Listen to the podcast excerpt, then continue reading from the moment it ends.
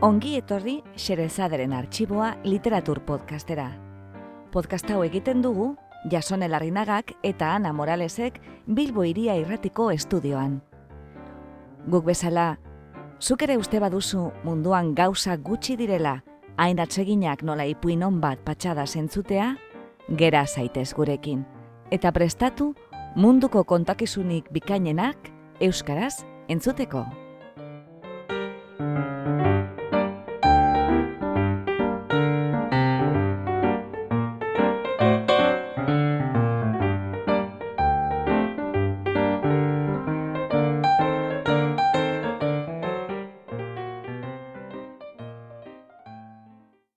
Gaur, Xerezaderen arxiboan, airea. Egilea, Inigo Roque. Inigo Roque estilo zuzentzailea da lanbidez eta itzultzailea debozioz. Beraz, haren hitzak erabiliz, lehenengoa diruagatik egiten du, eta bigarrena berriz amodioagatik. Izan ere, gauza ugari egin ditu amodioagatik. Amodio grinatzu, soro, arnoak banu aboro, ordi dezakeen horrengatik, jakina. Ala nola, ordu pila ematea literaturari eta hizkuntzei, tartean euskara bera, ingelesa eta portugesa. Idazkola literatur eta itzupen gintza blogaren egilea da. Une honetan lotaldian, egilaren konpromiso ugariak direla eta, eta literatur kritikako zutabe bat dauka berrian. Twitterlaria ere bada, eta abildua idazkola izenaren pean txiokatzen du. Biliburu itzuli ditu.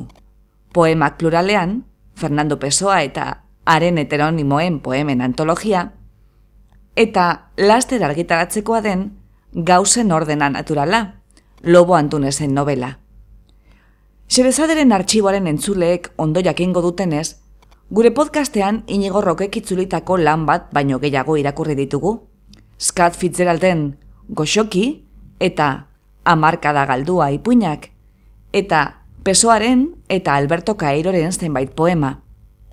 Goxoki ipuinari eta pesoaren poemei gainera, ahotsa ere jarri zien itzultzaileak. Gaur baina, lingua ebaskonun primitia bat dakarkigu. Oraingoan, itzulpena barik, lan original bat eman baitigu eskuzabal inigorrokek airea izeneko poema bilduma, orain arte beste inon argitaratu gabea. Egilari bilduma honi buruzko hitz batzuk esateko eskatu eta hause esan digu. Erantziko nuke, poemak duela zei bat urte idatzi nituela, eta orduzkero, agorraldi liriko erabatekoan nagoela. Guk, hausart, horri gehituko genioke, poema huetako airean batzuetan asmatu dugula. Garai bateko sarrion handiaren paisaia exotiko eta legendarioen espezia usain nostalgikoa.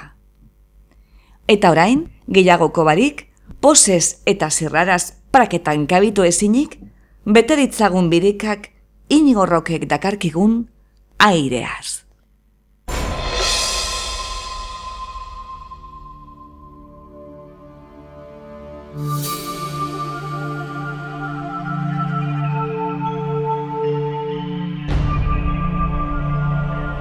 Hildakoen losakonean zeutzan. Danilo Kish. Samarkand begietzi genuen alako batean. Brika urdinezko kupulek abegi egin ziguten urrunetik. Guri deika aurrenik. Gero, sakurren adausiak aditu genituen uluka eta azkenik, atalazea zeharkatzen ari ginela, aurren egarrek zastatu zizkiguten zentzumenak. Hautsez beterik, unaturik baina posik, errendatu ginen, libre zeuden lehenbiziko aukietan. Loak hartu gintuen. Amar gizaldi geroago, oraindik ez duzue erabaki, nola amaituko den gure pelegrinazioa. ez eta norgaren ere. Kan handiaren ostekoak, ala zetar ohoinak, ala esklabu saltzaileak, ala deserriratu egarrituak, ala amaika mende geroago, oroitzea merezi ez duten, salgai arrunten, merkatari arruntak. Bizkitartean, areak aspaldi estali zizkigun bizkarrak, eta jagoiti eguzkiak ez dizkigu epeltzen ezurrak. Ezaguzue, otoi, nor ote gara.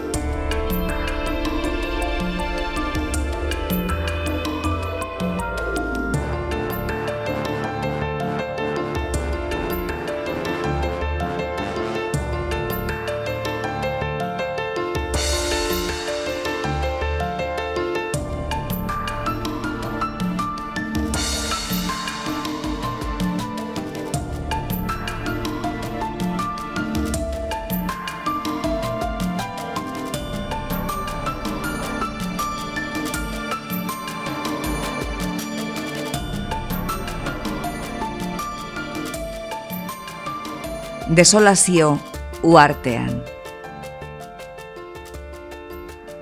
In 1777, Captain Cook fell in with the same group of islands and gave to the principal one the name of Desolation Island, a title which it certainly well deserves. Edgar Allan Poe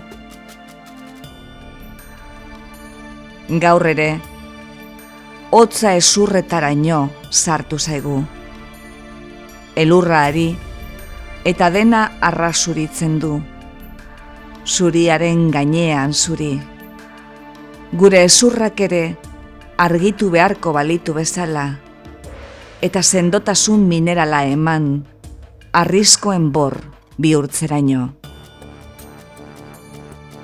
Aizeteak lehuntzen ditu bazterrak, berdintzen ikuspegiak. Oro berdin da, orain, lau hilabeterik ona. Oinatzak galdu egiten dira, itzalik ez da. Elur molekula bakoitzak eramaten du airean, itzaldura lotxati, segiziozkoaren mikroi bakoitza. Eta ez da inon baratzen, eun mila metro kuadroan, sakabanatu arte, geometriarik gabeko geografia honetan.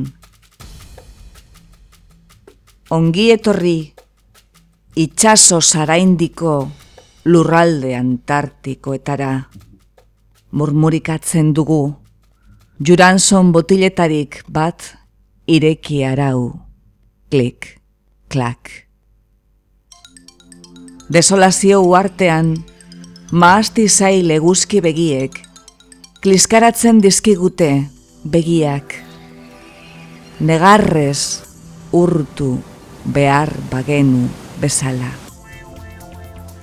Lurmendua eta primadera urrun eta labur dira.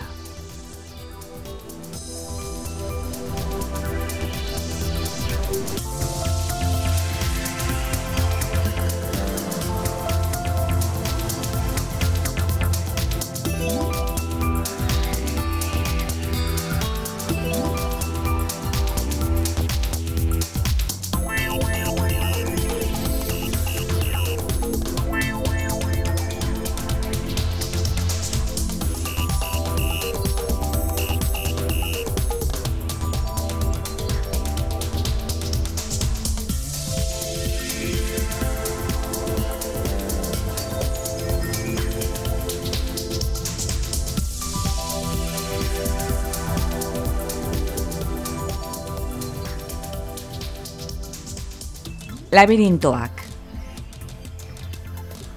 Amazortzigarren mendeko ingeles handikiak jolasten ziren landare labirintoetan, udako eguerdi sargoritzuetan, limoiura klikatu bitartean.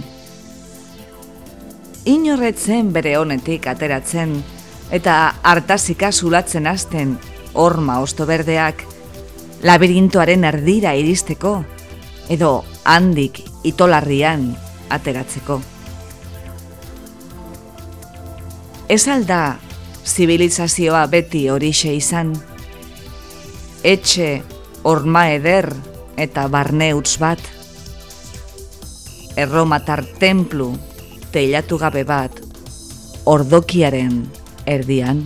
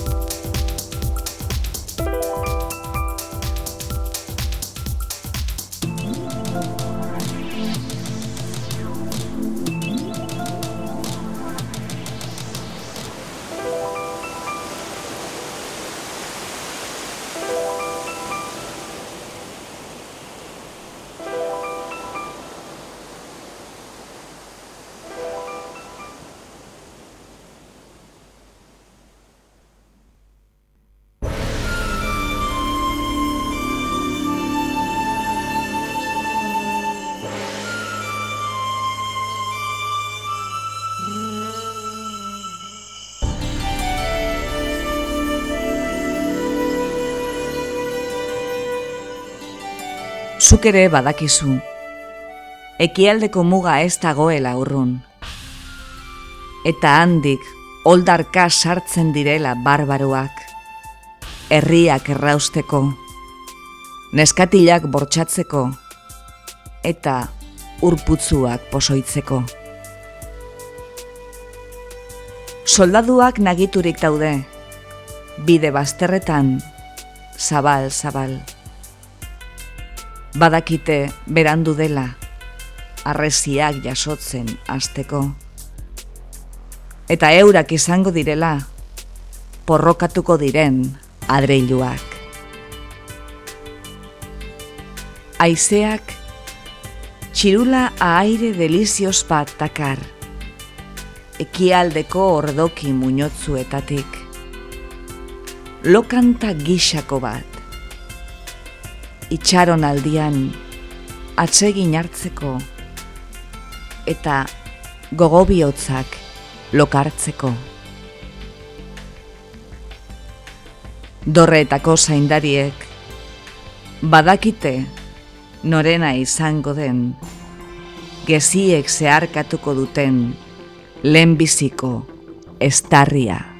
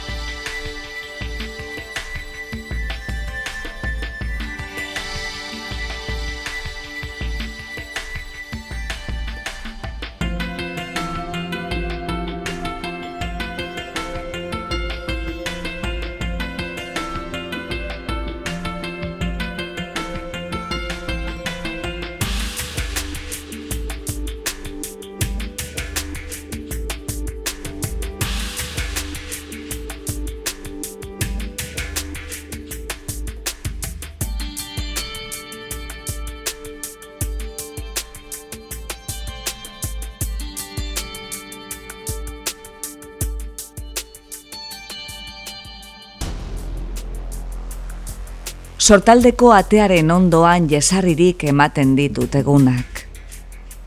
Bidazti astien urratzei orpo-sorpo jarraitzen diet begiekin. Orotariko merkatari eta laborariengan pausatzen dut soa, loak galarazi ezean. Gaur, hausoko barrutiko andre batzuk etorri dira. Mendi urdinkaretako antzara suri ederrak lepoan harturik. Bambusko eta luma zurizko oiuak iritsi dira ene belarrietara. Eta haiekin batera eraman naute kale meharretan barrena une batez. Arnasa hartu dut nekaturik, sortaldeko atearen ondoan jesarririk. Egazti ebakiek zango berri zornitu naute, mendi urdankaretan berriro barneratzeko, xuan bizargin zahar zirin, eta zang ahate asle, beinola gazte izandakoekin batera. Horretan, loak hartu nau, sortaldeko atearen ondoan.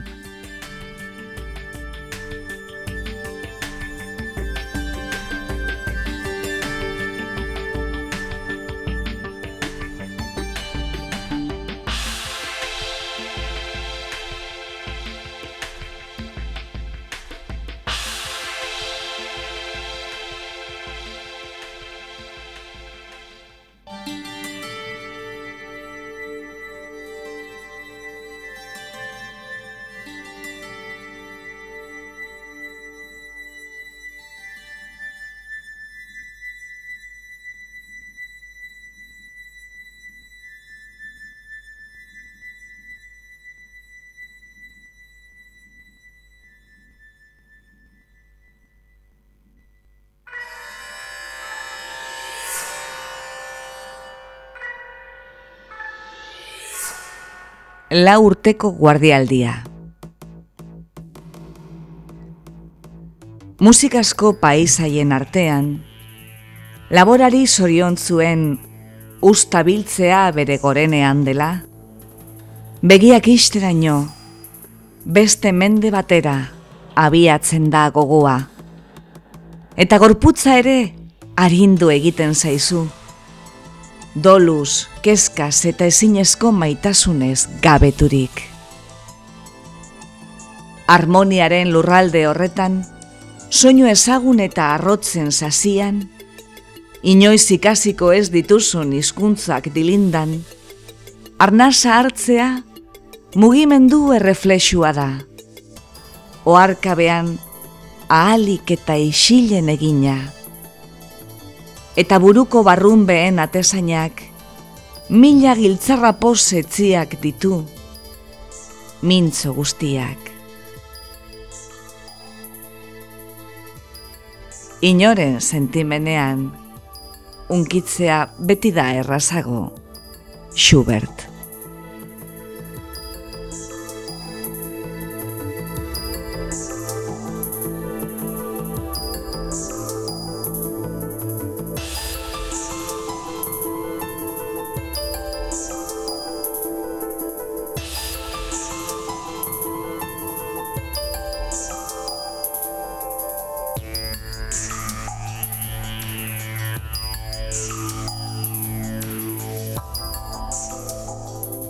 Laborare ukide.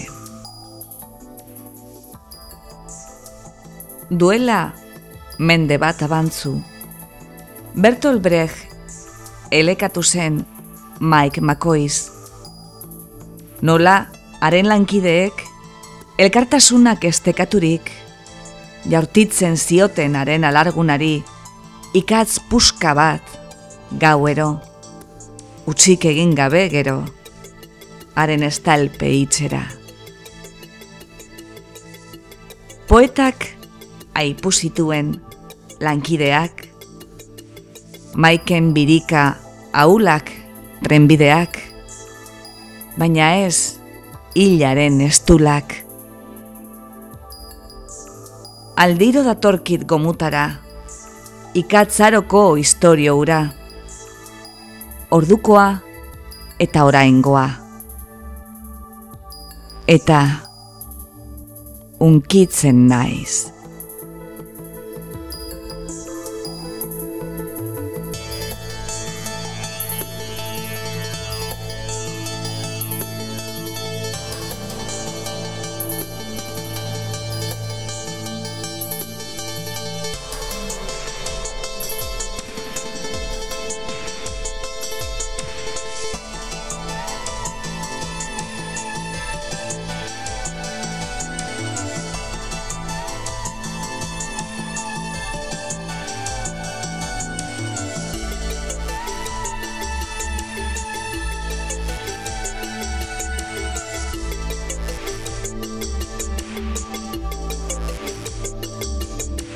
Mailuki zail zabalak, erreka isil freskagarria, gorputza besarkatzen duen, enbor goroldioz bigundua, ekaineko eguzkia, gerizpe lauzen garia, aize oxigenatua, soinu konpasatuak, laborari sosegatuak horizontean.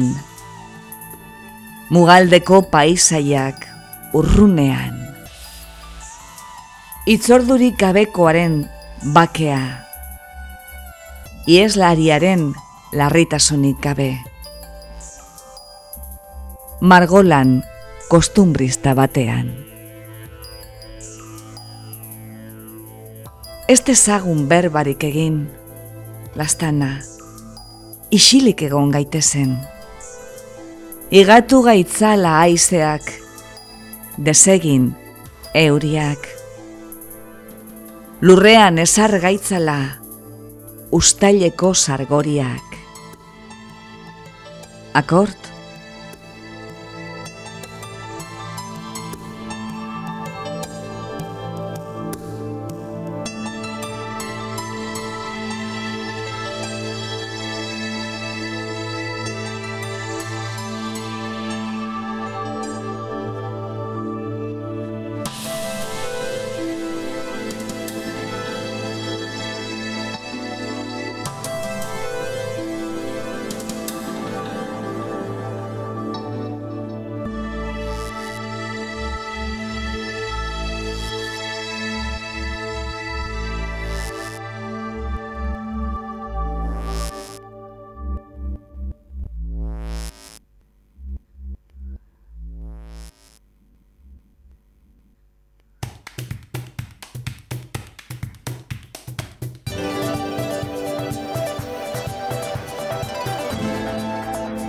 Behelainoak laitzen duen argitasun zahar horretan murgilduta dabil.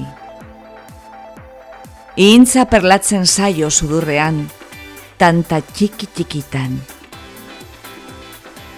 Potxingoetako izpilu izutuek ez dute irudi argirik bueltatzen.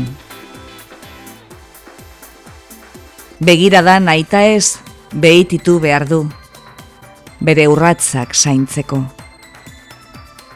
Badaki inoiz ez dela egongo, egal egitetik hain gertu. Begiakituak, kotoitan bilduak, eta patrikan sartuak. Bai, hause izango da, zabalduko diguzun, zeruko, Atebacarra Piarres.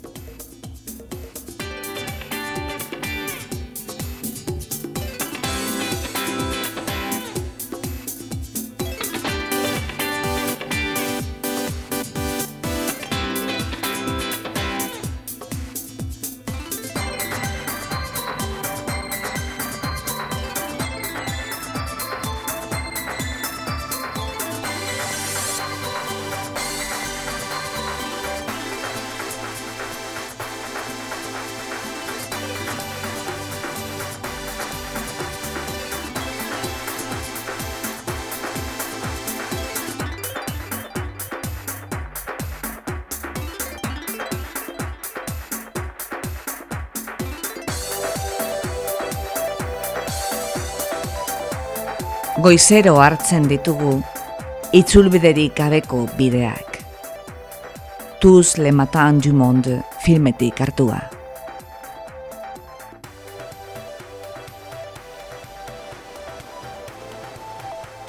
Oholtza arrabotatu berria ferekatu. Ume jaio berriaren matrailak lastandu. Zeru oskarbi obengabea miatu. Areatza orrastu berria arramaskatu. Kotoizko izara plegatuak zabaldu. Aierurik gabeko egunetara esnatu. Aurrenekoz, maitasunean ondoratu.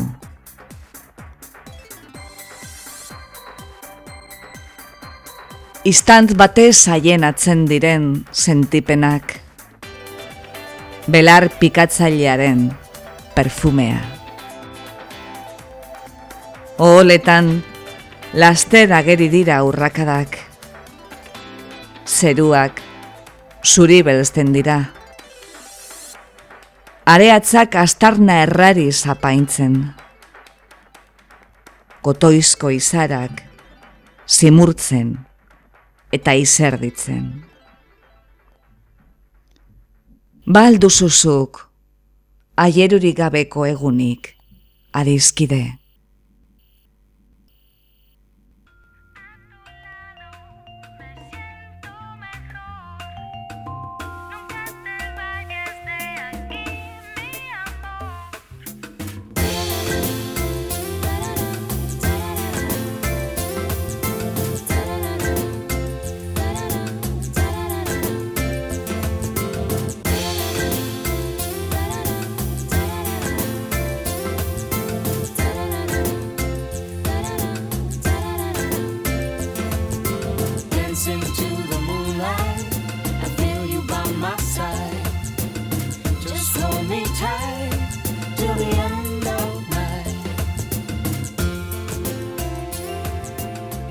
Utsune horietako bat agertu zaizu buruan.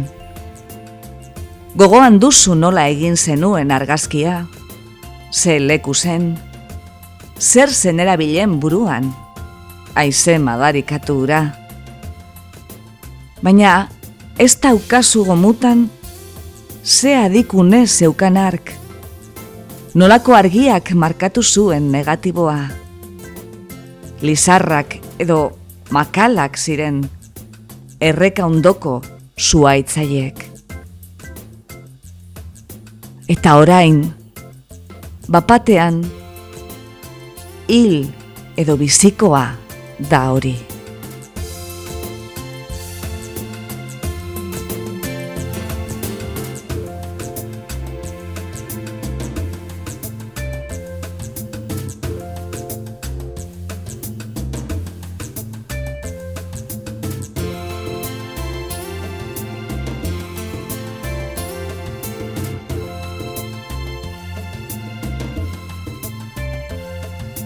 Enizun minik egin nahi. Esan nahi nizuke. Ondo da, ez da ezer gertatu. Etor gaitezen hasierara. Ezabaditzagun ebat ondoak. Desegin ditzagun jostura zaharrak. Garbitu ditzagun posoi eta zarakarrak gozotu ditzagun edabe garratzak. Apurtu ditzagun suminaren edalontzi guztizkoak eta erresuminaren pitxar kristal lodizkoa. Hautsi ditzagun azken aldian jantzitako gela guztiak. Jaurti ditzagun aulkiak eta maaiak kalean bera, leioak zabaldu gabe. Esan nahi dizuke. Egon, egon apur batean. Baina, non biziko ginateke orduan. Eta zer edango genuke gaur gauean.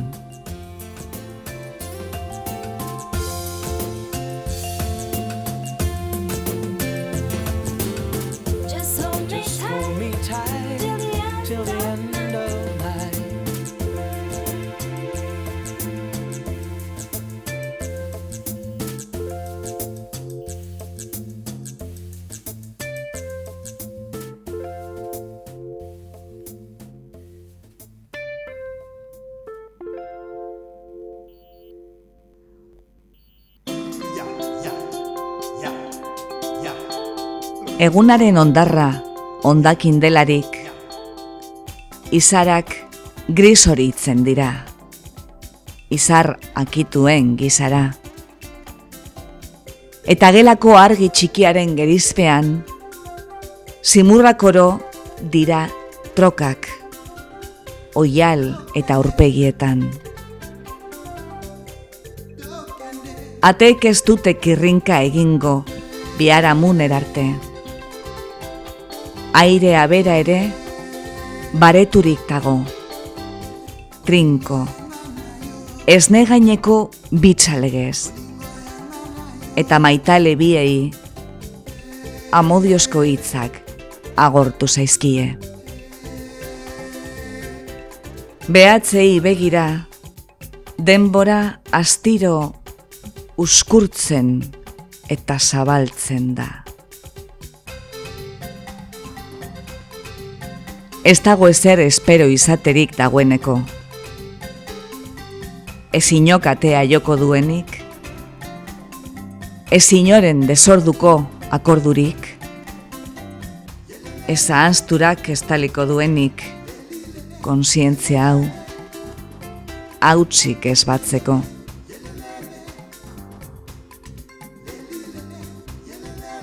Geldi-geldirik datza gizona. Pentsatuaz, edozein mugimenduk, denik eta mendreenak ere, ondamen krisi ezin konponduzkoren bat, eragin lezakela mundu horretan edo aldamenekoan.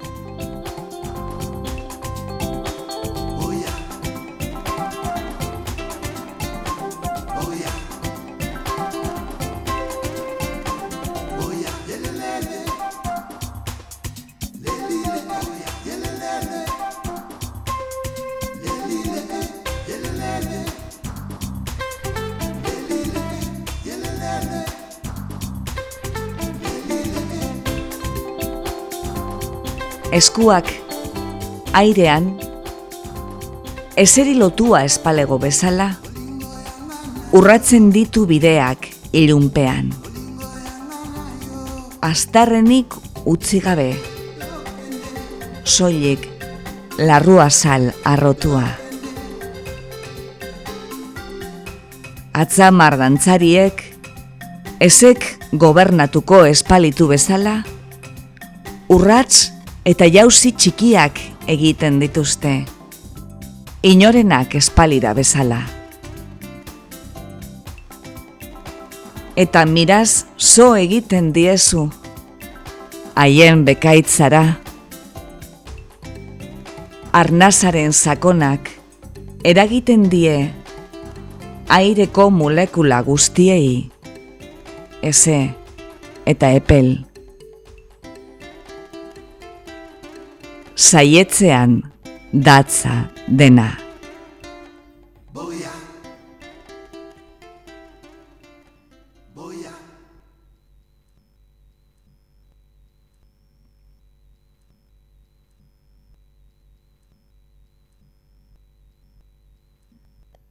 Entzun duzu airea. Egilea Inigo Roque.